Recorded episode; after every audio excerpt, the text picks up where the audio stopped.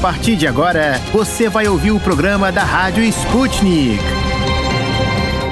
Olá, queridos ouvintes. Meu nome é Ana Liv Esteves e eu tô aqui com o meu colega Pablo Rodrigues para comandar mais um programa da Rádio Sputnik diretamente de Moscou. Saudações ouvintes, é um prazer contar com a audiência de vocês nesta quarta-feira, 12 de janeiro. E vamos começar nossa jornada com destaques do Brasil. Depois das festas da virada do ano, a procura pela terceira dose de vacinas contra a Covid-19 disparou no país. A variante Omicron está gerando uma nova onda de vacinações e o número diário de vacinas aplicadas no país é o maior desde o início dessa fase de imunizações. Além da preocupação dos brasileiros com a doença, o aumento na procura também foi causado pela decisão do Ministério da Saúde de reduzir o intervalo entre as aplicações das doses da vacina de 5 para 4 meses. E nos destaques internacionais, a OTAN e a Rússia se reúnem hoje, dia 12 de dezembro, para negociar na sede da Aliança Transatlântica em Bruxelas. A reunião de alto nível vai ser a primeira desde 2019 entre Moscou e a Aliança. Entre os assuntos na agenda da cúpula estão o controle de armas, segurança europeia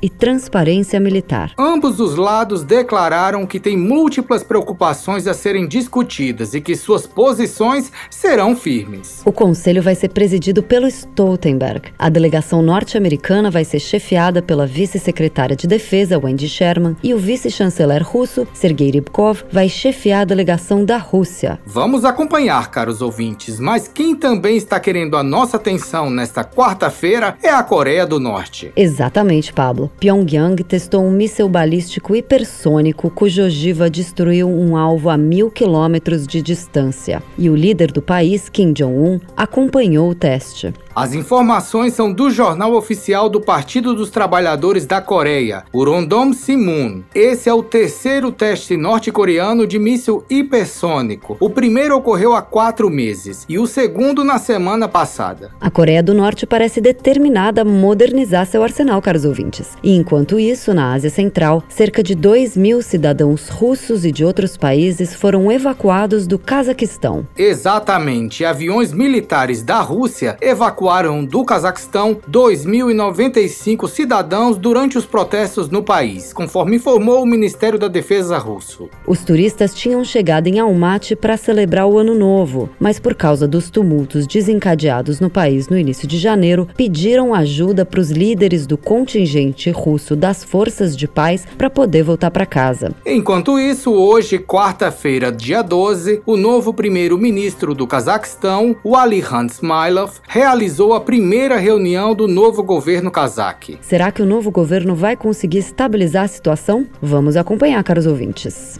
E aí, vamos lá ver o que mais a gente preparou para vocês no programa de hoje? E no programa de hoje. No Destrinchando a Charada Brasil, vamos conversar sobre as fortes chuvas e enchentes que estão tomando o país. No Esqueceram de Mim em Portugal, vamos comentar a reportagem do correspondente Lauro Neto sobre a crise no sistema público de saúde em Terras Lusas. O Bombando no YouTube vai tentar desvendar o que está por trás do alerta emitido pelos Estados Unidos para que aviões não decolassem. Será que tem a ver com o lançamento de mísseis na Coreia do Norte? No Destrinchando a Charada Internacional, vamos falar sobre a presidência da Argentina na CELAC, a comunidade de estados latino-americanos e caribenhos. O Hora do Problema vai bater um papo com um policial militar e saber o que mais o surpreendeu durante sua visita à Rússia.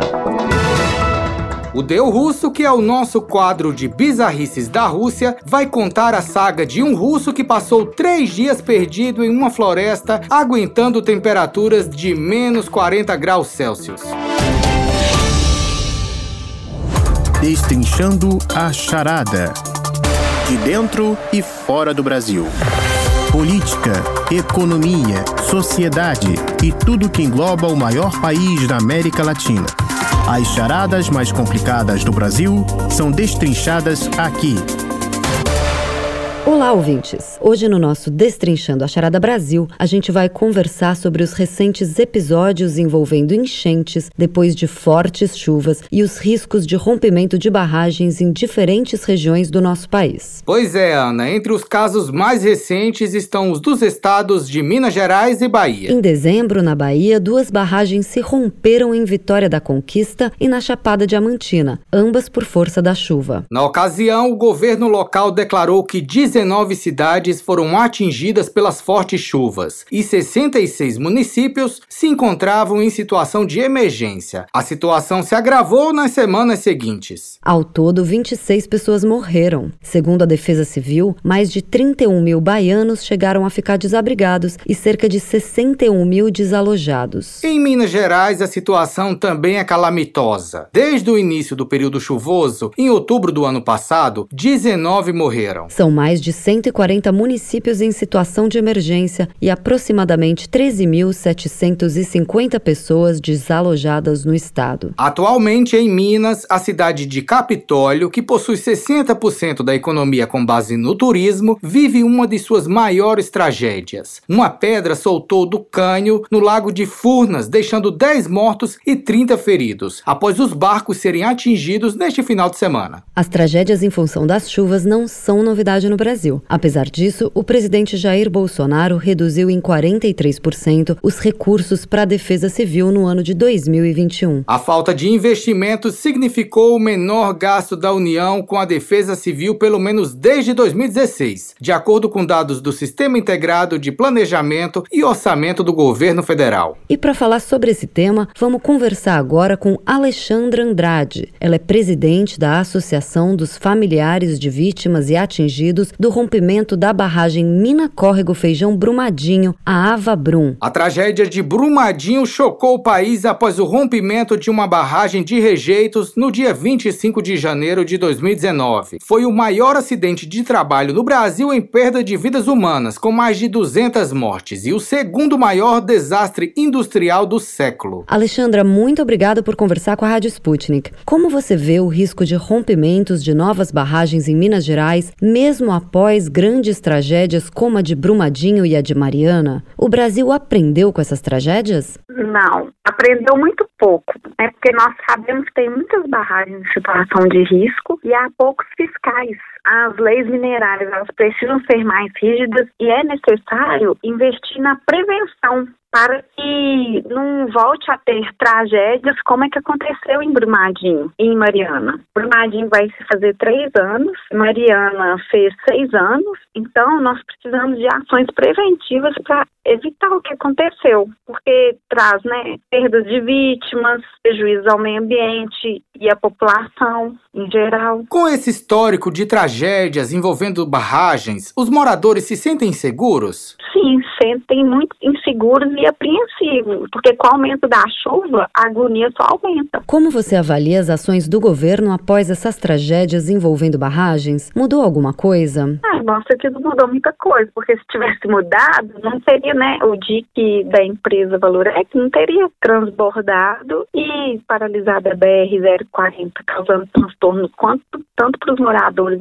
entorno, quanto para motoristas que trafegavam no local. E ontem a gente recebeu a notícia, né, de uma família que estava indo para o aeroporto de Confins devido à paralisação da BR, teve que passar por Brumadinho e o carro ficou soterrado por um material que desceu. Alexandra, muito obrigado pela participação aqui na Rádio Sputnik. Agora a gente chama para esse papo o engenheiro civil Oswaldo Rezende, professor do Departamento de Recursos Hídricos e Meio Ambiente da Escola Politécnica da Universidade Federal do Rio de Janeiro. Professor, com frequentes casos recentes relacionados às fortes chuvas, a sensação é de que episódios com enchentes e desastres aumentaram nos últimos anos. Isso de fato aconteceu? No Brasil, é que as chuvas sempre foram algo muito perigoso, né? Que é um motivo de preocupação isso remonta aí desde a época pré-colonização. Sempre foi um problema para todo tipo de comunidade que viveu no Brasil. Não é algo que começou a acontecer nos últimos anos para cá. Sempre tivemos problemas no Brasil com desastres naturais que envolvem eventos hidrológicos, né, que são tanto para excesso de chuva quanto para escassez de chuva. A gente tem períodos em que a gente sofre muito com inundações e a gente tem longos períodos que a gente também sofre muito com estiagens prolongadas. Então, o que vem acontecendo, os estudos estão apontando e as medições é que os eventos intensos, esses eventos de grande intensidade, eles vêm aumentando a frequência. Então, eventos que uh, antigamente aconteciam uma vez a cada 50 anos, uma vez a cada 100 anos, né, esses eventos eles têm aumentado a sua ocorrência, a sua frequência. Então, eles passam a acontecer uma vez a cada 10 anos, né? O evento que acontecia uma vez a cada século, agora acontece três vezes no século. Então, essa é a percepção de que parece que eles estão começando a acontecer agora. Não, eles estão acontecendo com maior frequência e isso faz com que a nossa memória mantenha esses eventos mais vivos, né? Então a gente lembra do último evento, né? como antigamente acontecia raramente, aquele evento era apagado, então a sociedade de alguma forma vai esquecendo os danos, os prejuízos sofridos e vai se reconstruindo e voltando a se expor e depois tem um outro evento. Aí tem danos e prejuízos e depois ela vai passar, vai começar a se esquecer. Isso a gente chama de percepção do risco. É possível de alguma maneira prever onde estão esses alagamentos, fortes chuvas e rompimentos de barragens? Independente se vai acontecer com maior frequência, qual que vai ser a magnitude, o que a gente sabe de fato é que vai acontecer. Em algum momento, nós teremos uma chuva muito intensa que vai ocasionar, né, vai estressar as nossas cidades e vai gerar danos e prejuízos. Então, a gente precisa é saber como se preparar para quando acontecer esses eventos. Então, se a gente está falando que esses eventos eles aumentam em frequência e magnitude, a gente precisa correr o mais rápido possível para se preparar o quanto antes. Então, o preparo ele está dentro de uma gestão de risco. Então, o que a gente precisa é utilizar corretamente as ferramentas que já estão aí disponíveis do gerenciamento de riscos. Essas ferramentas elas vão fazer com que a gente se prepare melhor, tenha uma organização melhor das nossas áreas ocupadas, assim como a gente proteja também as áreas que não são ocupadas hoje, mas que têm uma alta propensão a sofrer inundações, que elas não sejam ocupadas no futuro, porque a gente estressa essa questão de dois caminhos. Né? A gente estressa uma área que ela tem uma propensão a ser alagada. Quando você coloca uma ocupação lá, você gera um risco. Então, essa ocupação que está lá, ela vai sofrer um dano, vai sofrer um prejuízo quando ocorrer uma inundação. Além disso, essa ocupação, né, como ela altera o regime do ciclo hidrológico, ela pode gerar inundações em outras partes que antes não sofriam inundações. Então, além de expor uma nova comunidade a um risco, você pode aumentar o risco de outras comunidades pré-existentes. Então, a principal ferramenta que a gente tem é o diagnóstico, que é entender a situação hoje, quais são as áreas que têm maior propensão, quais são as áreas que têm maior vulnerabilidade. Então, entendendo onde é propenso a sofrer uma inundação e onde é vulnerável, né? A vulnerabilidade a gente fala sobre o sistema, né? O sistema ele é mais ou menos vulnerável. E a propensão à inundação, a gente está falando sobre o perigo. É aquele agente perigoso que pode pode ocasionar dano em algum sistema antrópico. Quando a gente tem um perigo atingindo o sistema antrópico, a gente tem um risco. Né? Então, o risco, na verdade, é a composição desse agente que pode causar um dano e as consequências da ocorrência desse agente, dessa inundação. As grandes obras anunciadas em governos e gestões anteriores de cada cidade não ajudaram de alguma maneira a evitar estes alagamentos recentes? Quando a gente acelera os escoamentos, a gente aumenta a capacidade hidráulica desses rios, eles vão jogar essa água para baixo. E essa água vai chegar em algum lugar que provavelmente está ocupado ou que será ocupado em algum momento da história. Então, a gente acaba transferindo o problema de um lugar para outro. E o outro problema é que a cidade ela não é algo estático. A cidade também é um, um organismo vivo, né? Que ela vai se modificando, vai se alterando, vai crescendo, vai se adensando. E quanto mais a cidade cresce e se adensa, mais água ela tende a jogar no sistema. Essa forma de urbanização clássica, que a gente impermeabiliza as superfícies, e essa forma de tratar o sistema hidráulico também clássico, que é acelerar os escoamentos. Então a gente tem um sistema preparado para receber receber uma água da cidade, que se modifica e joga mais água nesse sistema, e a gente precisa adaptar o sistema novamente. Então a gente está há décadas nesse ciclo, adaptando o sistema a um novo padrão de escoamento que foi gerado pela mudança da cidade. E isso tem um limite, a gente vai chegar num momento em que não tem mais espaço para aumentar o nosso sistema de drenagem,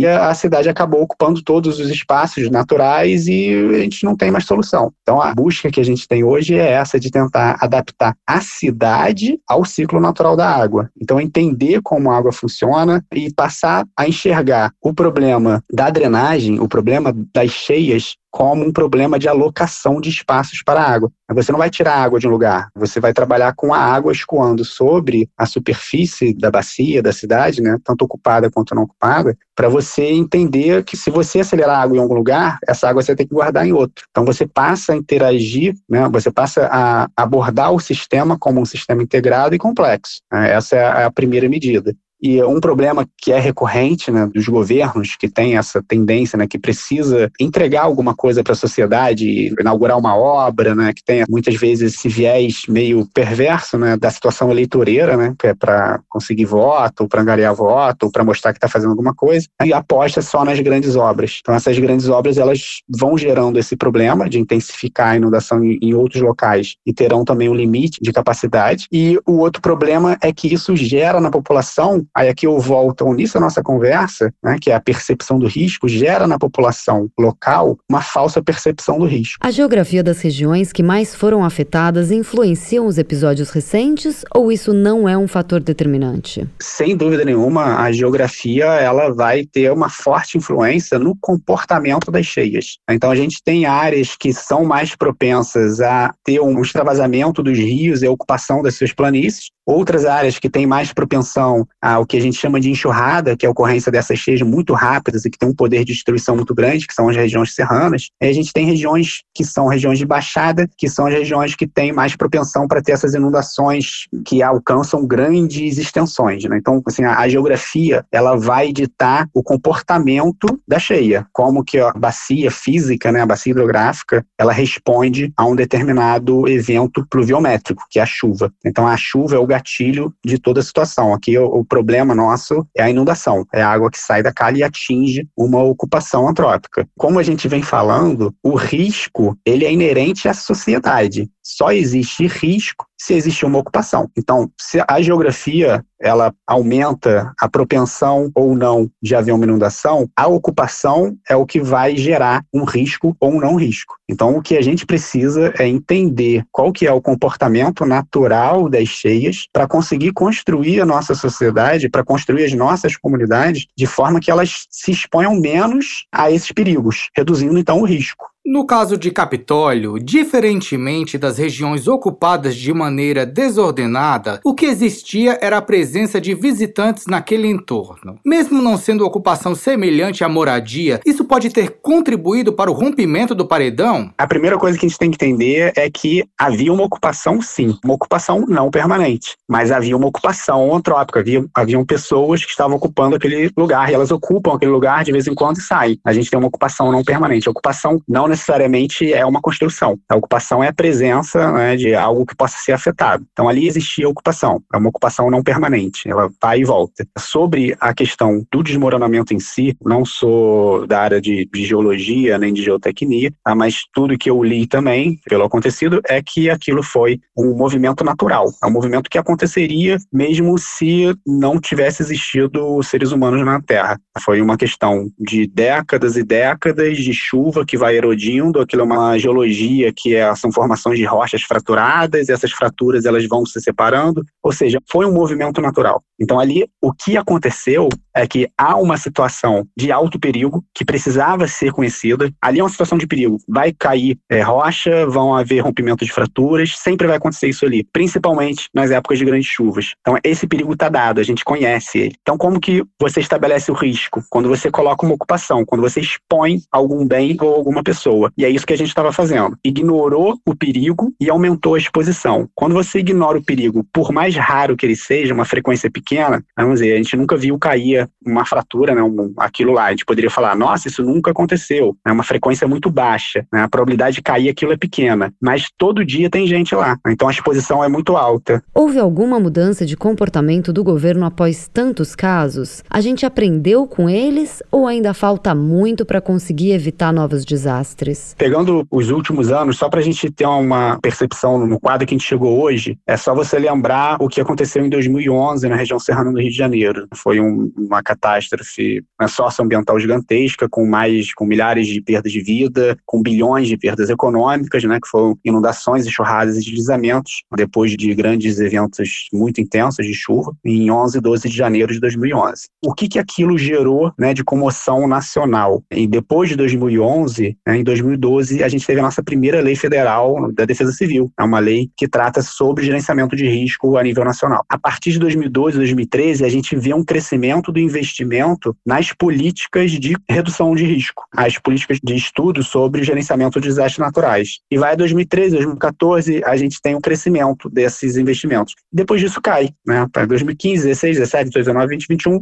só veio caindo. Então a gente tem uma queda nos investimentos nas ferramentas que podem nos preparar para agir na medida em que esses eventos venham ocorrendo. Então a gente precisa se preparar e para se preparar a gente precisa desses investimentos tá, nas ações de gerenciamento de risco de desastres e isso vem caindo. Então hoje o que a gente precisa é retomar os investimentos para gerenciamento de riscos de desastres naturais em todo o Brasil. A gente espera que o governo atue para evitar ou pelo menos minimizar os impactos de novas fortes chuvas pelo país. Verdade, Pablo. Hoje a gente conversou com o engenheiro Oswaldo Rezende, professor da Escola Politécnica da UFRJ, e Alexandra Andrade, presidente da Associação dos Familiares de Vítimas e Atingidos do Rompimento da Barragem Mina Córrego Feijão Brumadinho. Por hoje, o nosso quadro Destrinchando a Charada Brasil fica por aqui. Até mais, queridos ouvintes.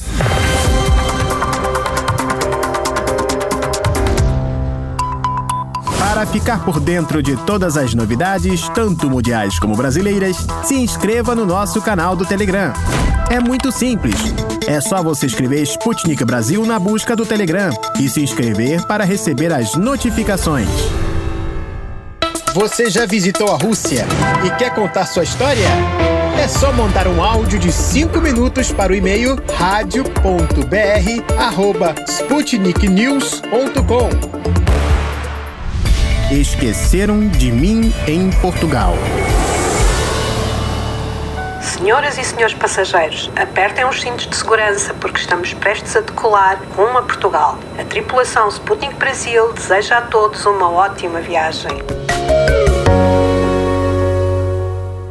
Hoje a Luísa Ramos, nossa correspondente da Rádio Sputnik na Europa, vai repercutir a reportagem do correspondente do site da Sputnik em Lisboa, Lauro Neto. Parece que a crise no sistema de saúde de Portugal vai muito além da pandemia. É isso mesmo, Luísa? Olá, Pablo. Olá, Ana. Olá, ouvintes da Rádio Sputnik. É isso mesmo, Pablo. Muito além de apenas as questões relacionadas com a pandemia da Covid-19, que teve seu início no primeiro trimestre de 2020. A reportagem do Lauro Neto, correspondente da Sputnik Brasil em Lisboa, mostra que as burocracias no Sistema Nacional de Saúde Português, o SNS, são de longa data. Através de dados obtidos pela Sputnik no portal da transparência, são são 1.171.440 pessoas sem médico de família no país, inclusive portugueses. Este número equivale a 16% dos quase 10 milhões e meio de inscritos nos centros de saúde pública do país, algo semelhante aos postos ou unidades de saúde no Brasil, do SUS.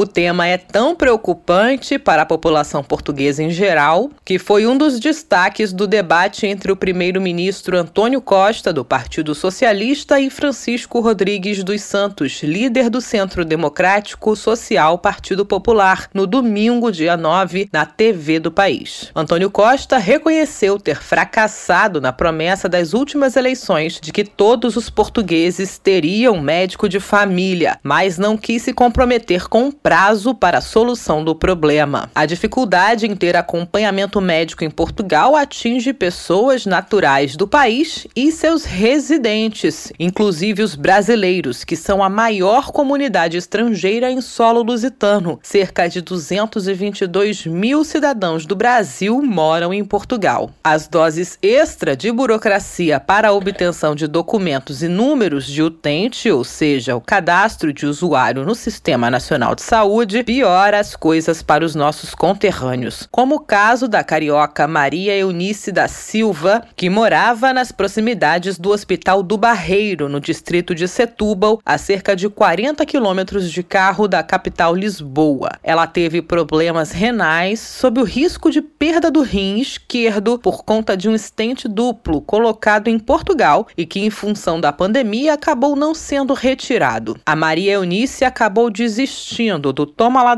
de informações em que se viu envolvida pelo SNS e voltou para o Brasil para fazer a cirurgia. Vamos ouvir como que se desenrolou o caso dela. Eles chegaram a me mandar umas duas cartas, mas me jogando para o norte de Portugal, bem longe. Eu teria que ir com a van do hospital, entendeu? Eu não poderia levar ninguém da família. Eu teria que ir sozinha para lá fazer cirurgia. Eu não quis. A secretária do hospital, no setor de urologia, falou: não, isso aí você pode cancelar, mesmo que você recuse, você não vai perder sua vaga aqui na fila. E fiquei toda a vida esperando. Quando eu estava no Brasil, dois meses depois, eles me mandaram uma carta do Barreiro autorizando a minha cirurgia.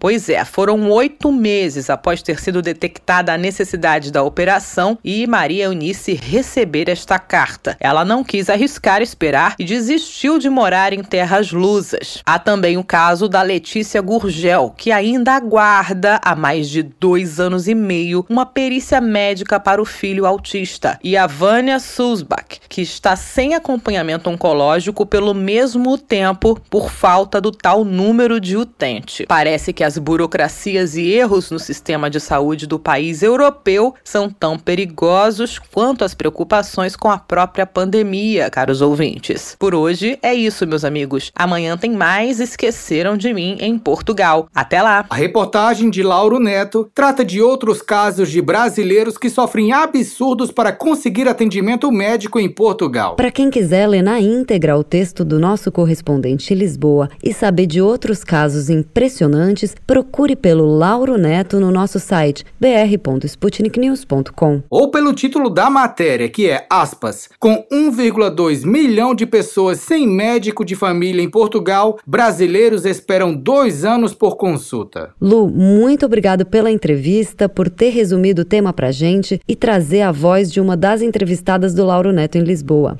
Amanhã você volta com mais um Esqueceram de Mim em Portugal, Lu. Até lá! Os vídeos mais esperados estão disponíveis no nosso canal no YouTube. Para encontrá-lo é fácil. É só buscar Sputnik Brasil no YouTube, aproveitar as imagens e ainda se informar. Está à procura de notícias com outros pontos de vista e posicionamentos?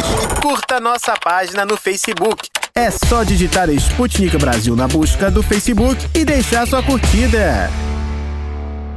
Bombando no YouTube curtidas e mais curtidas da Rússia ao Brasil. Confira com a Rádio Sputnik os vídeos que receberam mais likes e visualizações e estão no topo do YouTube. E fique por dentro do que está sendo filmado por amadores ou profissionais pelo mundo afora. Para rechear o dia de vocês, ouvintes, com o melhor top 5 do YouTube, vamos chamar o nosso colega Tito da Silva.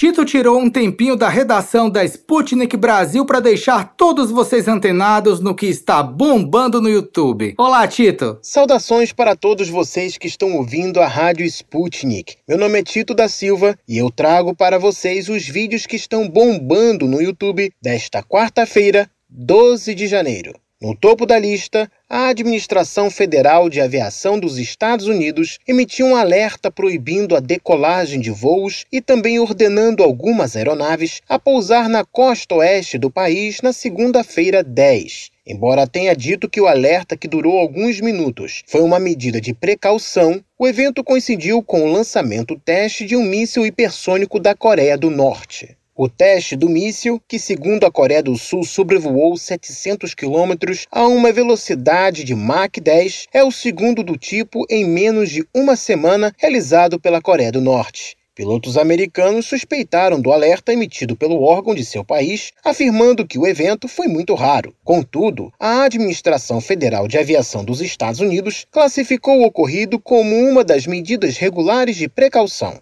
Para você saber mais detalhes sobre o caso, é só você abrir o vídeo no YouTube digitando Estados Unidos para um tráfego aéreo na costa oeste durante teste de míssil da Coreia do Norte. No segundo vídeo de hoje, o secretário de Defesa do Reino Unido, Ben Wallace, fez uma declaração dizendo que seu país enfrentará os valentões em diferentes partes do mundo. A fala foi feita em tom de advertência aos adversários do Reino Unido de que o país manterá o que acredita ser uma política de defesa de nações mais fracas e salvaguardar seus princípios e valores.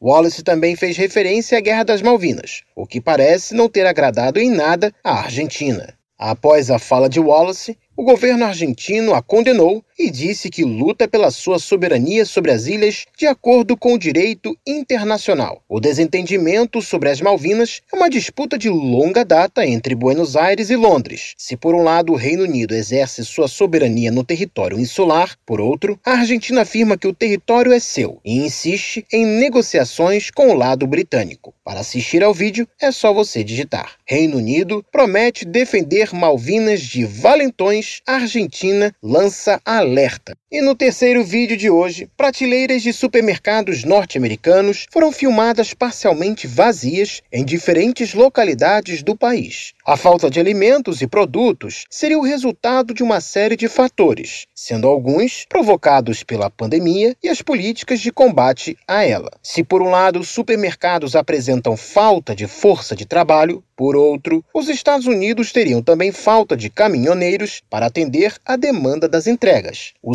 cenário não é caracterizado como caótico, mas especialistas afirmam que os moradores do país deverão ainda ver episódios semelhantes daqui para frente. Para você assistir ao vídeo, coloque assim: Estados Unidos voltam a sofrer falta de comida em supermercados. E no quarto vídeo de hoje, para quem viu a primeira temporada completa do programa Pesadelo na Cozinha, deve ter se lembrado de um caso que foi muito comentado na internet: as brigas entre a amada, do restaurante Escondidinho da Amada, e seu marido. Pelo que parece, as brigas do casal também estavam afetando o negócio familiar e deu o que falar. Mas, passado algum tempo, Amanda decidiu dar um basta no seu casamento, de acordo com o que ela disse em um vídeo colocado no canal do programa no YouTube. A Amada também pediu desculpas para o Jacan, o chefe do programa, caso tenha parecido que sua atuação era uma forma de debochar do programa. E para quem gosta de jogos de aventura com navegação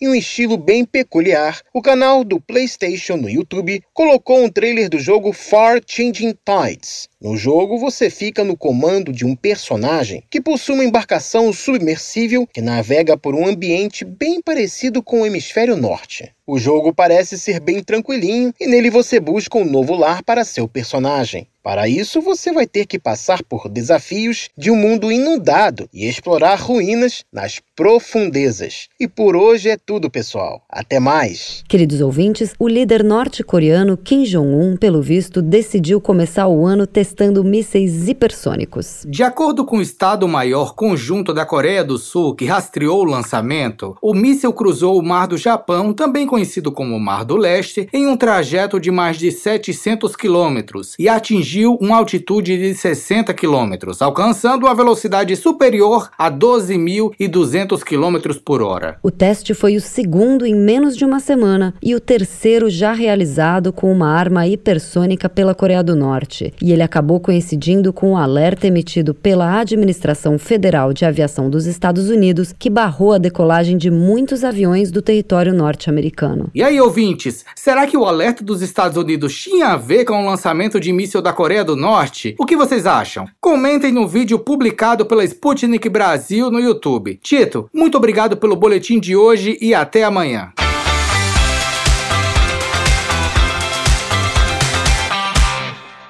Está à procura de notícias com outros pontos de vista e posicionamentos? Curta nossa página no Facebook. É só digitar Sputnik Brasil na busca do Facebook e deixar sua curtida.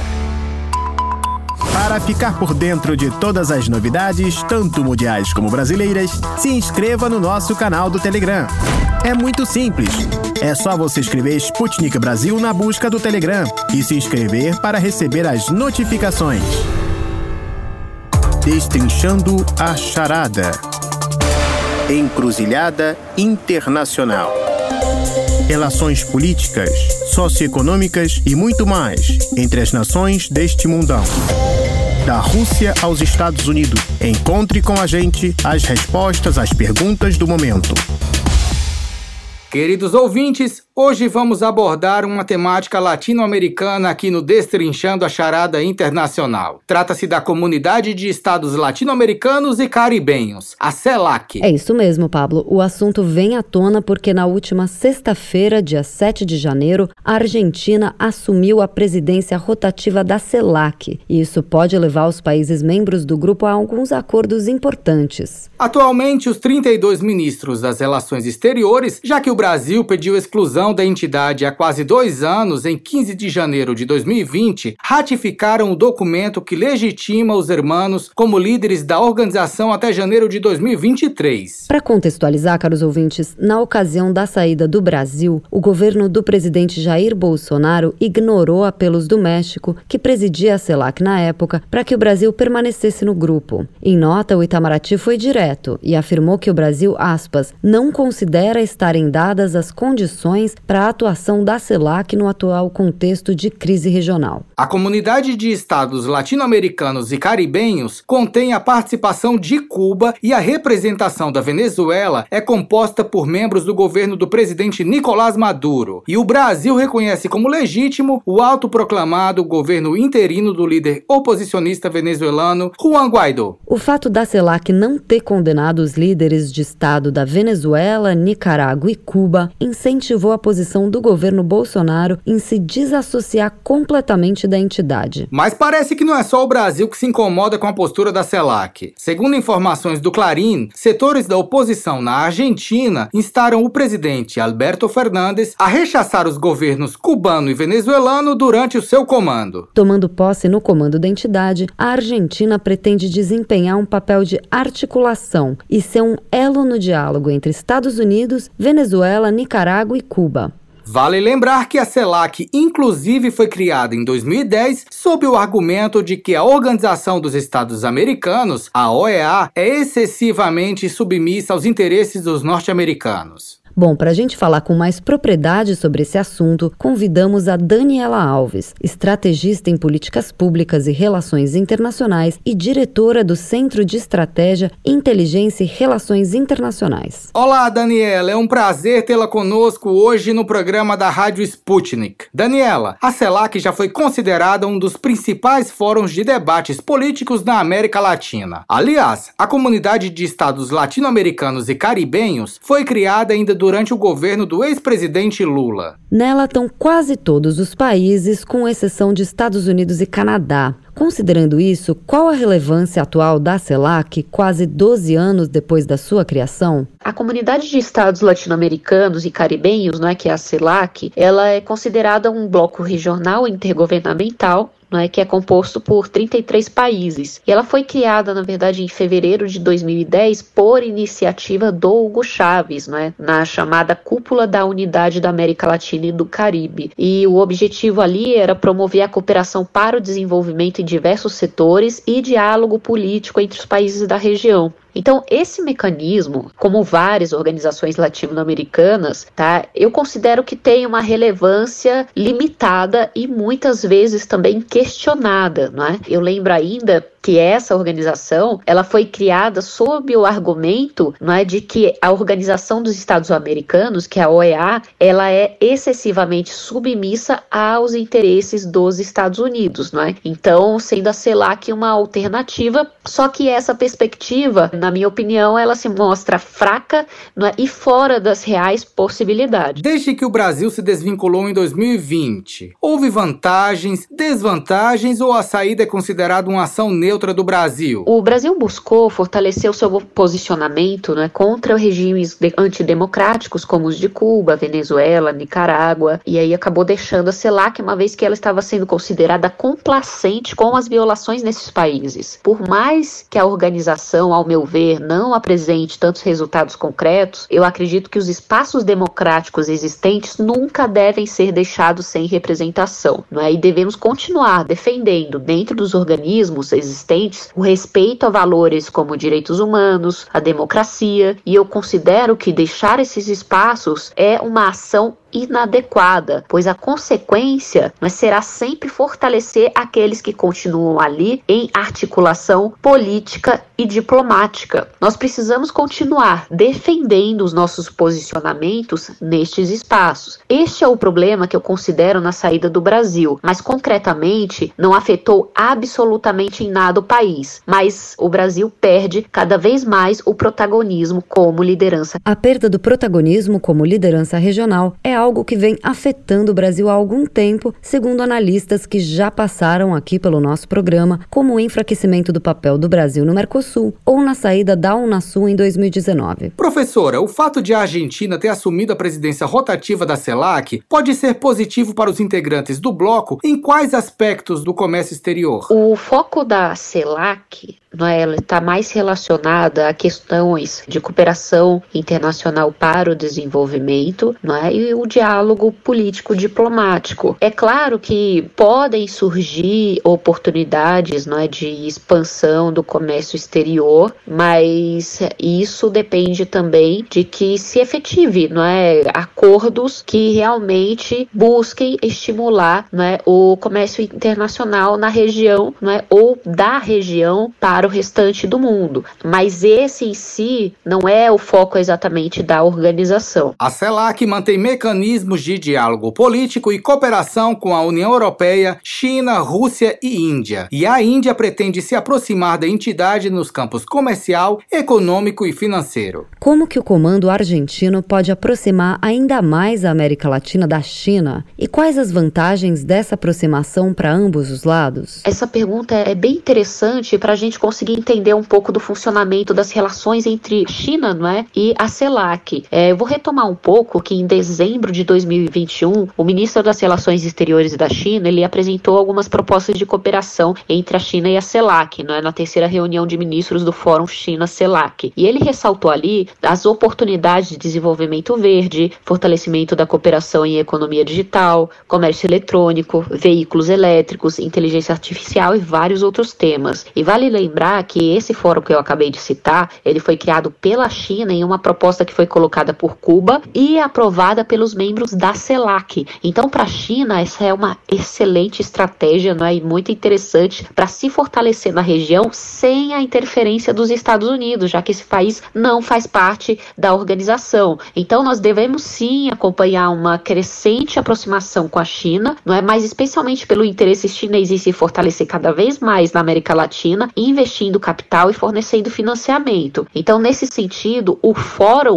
China-CELAC que existe, ele funciona como um mecanismo para canalizar as relações com vários países né, de uma mesma organização. Este fortalecimento inclui linhas de crédito e investimentos em telecomunicações, como a tecnologia 5G, certo, Daniela? Como que a América Latina pode se beneficiar da aproximação com a China, possivelmente efetivada pela CELAC em termos de tecnologia? A questão do 5G, tá? Ela consta no Plano de Ação Conjunta China-CELAC para cooperação em áreas chaves do ano de 2022 né, até 2024. E a perspectiva é de que o mecanismo possibilite a, a expansão não é, da empresa Huawei e a sua rede 5G na América Latina. Em um dos pontos do acordo, né, existe que existe o fortalecimento da cooperação entre os governos, empresas e instituições de pesquisa em infraestrutura digital. Professora, voltando a falar da saída do Brasil do grupo, foi divulgado que possivelmente haverá cooperação entre o Banco Central da China e os bancos centrais dos países integrantes da CELAC. A gente poderia dizer que o Brasil perde com isso ou tem outras relações entre Brasil e China que anulam a necessidade de fazer parte da entidade? O Banco Central do Brasil possui acordos de cooperação cooperação com o Banco Central da China, é? e a gente ainda precisa lembrar é? do acordo multilateral existente entre os bancos centrais dos BRICS, é? relembrando Brasil, Rússia, Índia, China e África do Sul. Tá? Então a, a CELAC não é o único mecanismo existente para expandir é, a cooperação, seja com o Banco Central da China ou seja com qualquer outra instituição. Eu acho que a grande perda em si do Brasil não fazer parte da organização não é sobre os mecanismos existentes de cooperação, tá? Mas por uma questão de posicionamento mesmo, de liderança, não é? Uma vez que se o Brasil se retira dessas organizações existentes, não é? Ela deixa ali o vácuo de poder que acaba sendo, obviamente, ocupado por outros países, por outros governantes. Então, eu sou a favor, não é, de que o Brasil faça parte das organizações multilaterais existentes, não é, colocando seu posicionamento e defendendo seus valores e defendendo os interesses do governo brasileiro, não é, e também como está posicionado e como uma liderança na América Latina. Batemos um papo hoje sobre a comunidade de estados latino-americanos e caribenhos com a Daniela Alves, estrategista em políticas públicas e relações internacionais e diretora do Centro de Estratégia, Inteligência e Relações Internacionais. Muito obrigada pelas análises e opiniões, Daniela Alves. A gente espera ter você conosco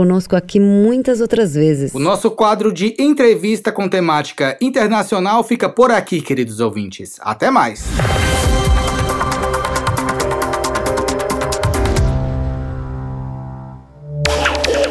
Tem alguma dúvida ou comentário sobre a Rádio Sputnik? Você pode entrar em contato com a gente através do e-mail radio.br@sputniknews.com. Hora do problema. Sabe aquela história que é melhor nem contar de tão complicada que é? Perrengue na Rússia, sufoco no Brasil e muito mais. Sente aí que lá vem história. Há uns costumes russos que não são praticados no Brasil, o que é normal, visto que cada cultura tem suas regras. Por exemplo, ouvintes, é costume aqui na Rússia manter a fila organizada, seja ela no supermercado, na escada rolante, onde quer que for. Falando em escada rolante, no metrô daqui de Moscou, queridos ouvintes, quem desce parado fica de pé à direita para dar a chance a quem está com pressa para descer rápido à esquerda. E a maioria dos russos segue essa regra, caros ouvintes. E quando tem alguém parado à esquerda, todo mundo faz cara feia, o que eu acho ótimo. E no metrô moscovita também é regra esperar os passageiros saírem do vagão para depois entrar, o que facilita a vida de todo mundo, não é mesmo? Não tem gente se esbarrando com tanta frequência e a movimentação é mais fluida. Para ficar por dentro de mais alguns costumes russos, a gente vai conversar com o policial militar Igor Marciniak, curitibano, que mora há um tempão em São Paulo. Verdade, Igor? Olá a todos os ouvintes da Rádio Sputnik.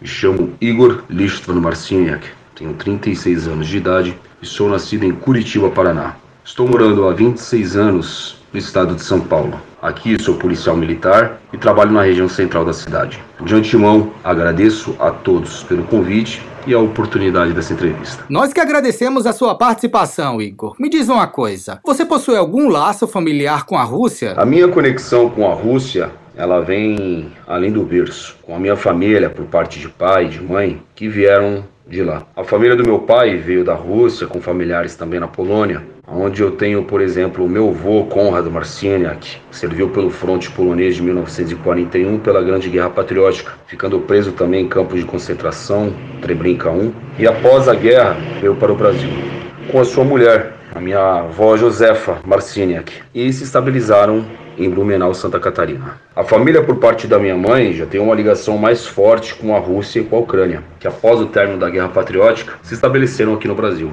Inclusive, a minha mãe também chegou a morar na década de 50 e 60 na extinta União Soviética e posterior retornou ao Brasil. Então, toda a nossa cultura, a nossa educação foi ligada àquele país. Você já visitou a Rússia, correto? Você veio em alguma data em especial? E outra coisa, Igor, você já pensou em morar aqui na Rússia? Eu conheci a Rússia junto com meu irmão. Ficamos em torno de 26 dias nós fomos no mês de maio para ver o desfile da Vitória, mais conhecido como Dian Pabiedi. Aproveitamos também para conhecer a Bielorrússia, onde lá conhecemos Suzdal, Minsk e Vladimir. Se dependesse de mim, eu retornaria todo o ano a este belo país. E após a minha aposentadoria dos meus serviços prestados aqui no Brasil, penso sim em morar neste belo país. Voltando à sua viagem à Rússia, o que mais te marcou em Moscou? Algum lugar especial da capital russa não sai da sua cabeça? Acredito que para cada pessoa pode ter um tipo de reação ou um tipo de acontecimento, mas o que mais me marcou foi pisar no Kremlin e na grandiosa Praça Vermelha, mais conhecida como Krasnaya Plosha. Eu não sei descrever em palavras mas foi um dos melhores momentos dessa viagem que eu fiz junto com meu irmão, que parei por minutos na Praça Vermelha e eu não tive reação. Eu apenas começava a chorar de tanta emoção de estar pisando naquele solo e naquela praça. Igor, qual que é o costume russo que mais te surpreendeu? Muitos costumes me surpreendem. Poderia aqui ficar horas e horas falando. Mas um que me chamou mais a atenção é o patriotismo daquele povo. O esforço colossal da Rússia nos fez termos a liberdade que temos hoje. Você vê crianças de 5 a 6 anos no colo de seus pais cantando músicas de vitória sem sequer saber o que foi a guerra. Isso daí é uma coisa que me surpreendeu demais. Como você foi criado em uma família russa, muitos costumes daqui estão presentes na sua vida desde pequeno. Igor, você teve alguma dificuldade em combinar os costumes brasileiros e russos? E para os brasileiros que desejam conhecer a Rússia, que conselho você daria para eles? Em relação aos costumes russos, pelo fato de ter uma educação por parte boa do meu pai e da minha mãe, em relação aos costumes, à educação, então eu não tive muito problema em encaixar eles na minha vida aqui do Brasil. Eu acredito que todas as pessoas que escutam a rádio Sputnik, que estão escutando essa entrevista e que tenham curiosidade de conhecer tal país, que vá, conheça a cultura, o povo e a origem daquele belo país. Igor, qual seria a maior diferença entre russos e brasileiros no seu ponto de vista? Eu acredito que a maior diferença entre os russos e os brasileiros é que os russos eles preservam mais a família, ao nome, a sua integridade, ao estudo, coisa que aqui no Brasil a gente não vê tanto. Alguns princípios que foram nos ensinados quando crianças, lá é preservado pela criança, pelo jovem, pelo adulto e pelas pessoas com mais idade. Batemos um papo hoje com o policial militar Igor Marcinhac. Igor, muito obrigado. Abraços. Gostaria de agradecer à Rádio Sputnik e a todos os ouvintes dessa rádio. Muito obrigado pelo espaço e por essa entrevista concedida. Большое спасибо. Пока-пока. Está à procura de notícias com outros pontos de vista e posicionamentos? Curta nossa página no Facebook. É só digitar Sputnik Brasil na busca do Facebook e deixar sua curtida. Para ficar por dentro de todas as novidades, tanto mundiais como brasileiras, se inscreva no nosso canal do Telegram. É muito simples. É só você escrever Sputnik Brasil na busca do Telegram e se inscrever para receber as notificações.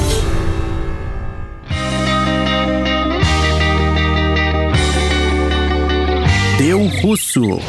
De notícias bizarras do Brasil já estamos mais que saciados.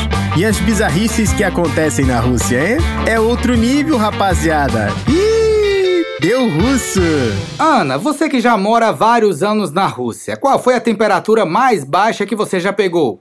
Olha, se eu não me engano, Pablo, foi menos 40 graus Celsius. E foi logo no meu primeiro ano de Rússia. E eu já tive que suportar essa temperatura por uns 40 minutos. Mas depois até que foi bom, porque eu tive a chance de conhecer a tão famosa banha russa, que é uma sauna daqui. E aí deu para espantar um pouco o frio, sabe? E você? Eu me lembro de uma viagem que eu fiz para Severodvinsk, que fica no norte da Rússia. Era inverno e justamente quando eu e meus amigos decidimos visitar um bosque afastado da cidade, estava fazendo menos 36 graus Celsius, caros ouvintes. Voltar sozinho para casa não dava. Tinha que esperar todo mundo. Daí eu saí do carro e a sensação é que tudo congela. Cílios, nariz, orelha, até abrir os olhos é complicado. Verdade. E quanto mais você respira, mais congela dentro do nariz. E por isso que geralmente, quando tá fazendo muito, mas muito frio, os russos cobrem o nariz e a boca com um cachecol, deixando só os olhinhos de fora. Se você passou 40 minutinhos passeando a menos 40 graus, eu passei duas horas a menos 36. E cada minuto que passa parece ser uma eternidade. Agora imagine só passar três dias. Três dias enfrentando menos 40 graus Celsius. O herói de hoje se chama Nikita, caros ouvintes, do distrito autônomo Yamala-Nenets, que fica no extremo norte russo. O Nikita decidiu visitar parentes que moravam longe indo de moto de neve. No trajeto de Nikita, havia uma floresta fechada e bem no meio do caminho a moto de neve deu um problema. Nikita ficou sem saber o que aconteceu. Acabou a gasolina? O motor pifou? Além do frio, ventos fortes estavam dominando a área para a infelicidade do Nikita, que depois de tanto tentar consertar sua moto, decidiu seguir caminho a pé em busca de ajuda. Antes de deixar a moto para trás,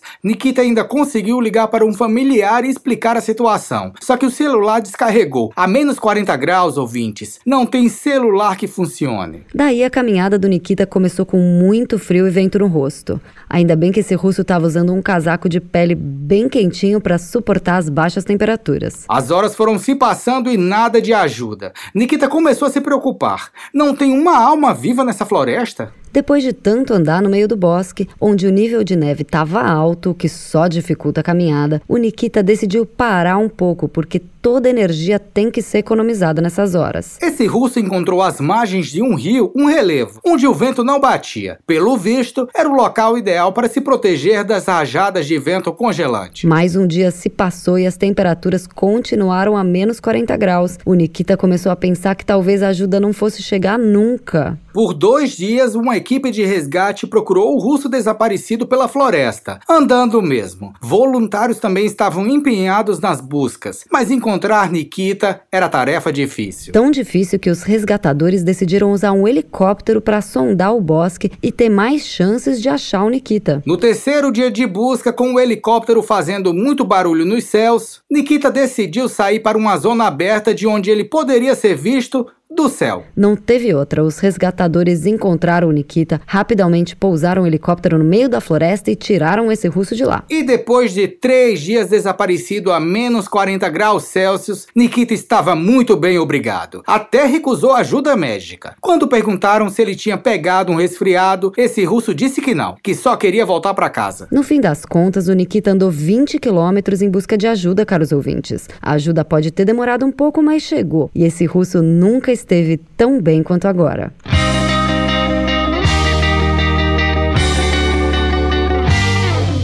Com o inverno pegando pesado na Rússia, o Deu Russo de hoje não poderia ser outro além de congelante, queridos ouvintes. Literalmente congelante. As temperaturas de Moscou já estão inferiores a menos 10 graus Celsius. Então, se você abrir a janela e colocar qualquer coisa do lado de fora e deixar esse objeto lá por um tempo fora do apartamento, pode ter certeza que quando você for retirar ele de lá, ele vai estar tá congelado.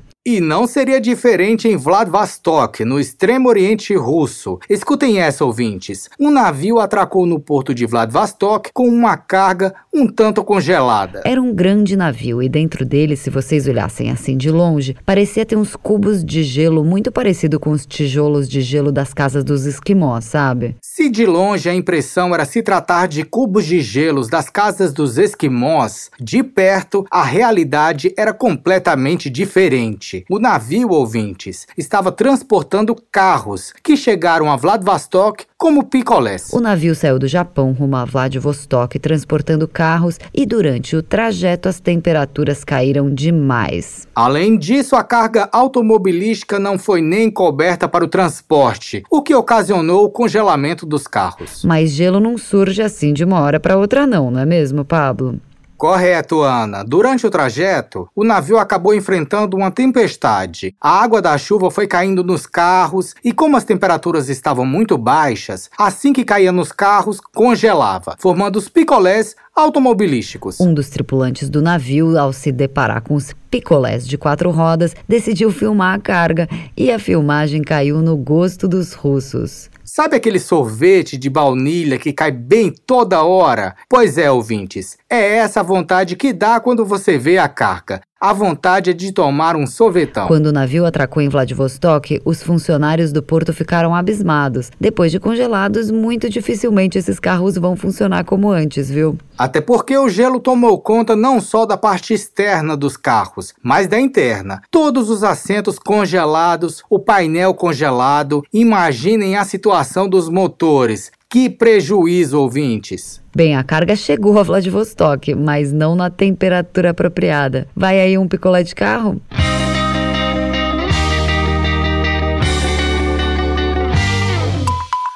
Para ficar por dentro de todas as novidades, tanto mundiais como brasileiras, se inscreva no nosso canal do Telegram.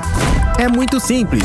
É só você escrever Sputnik Brasil na busca do Telegram e se inscrever para receber as notificações. Hora de dar tchau.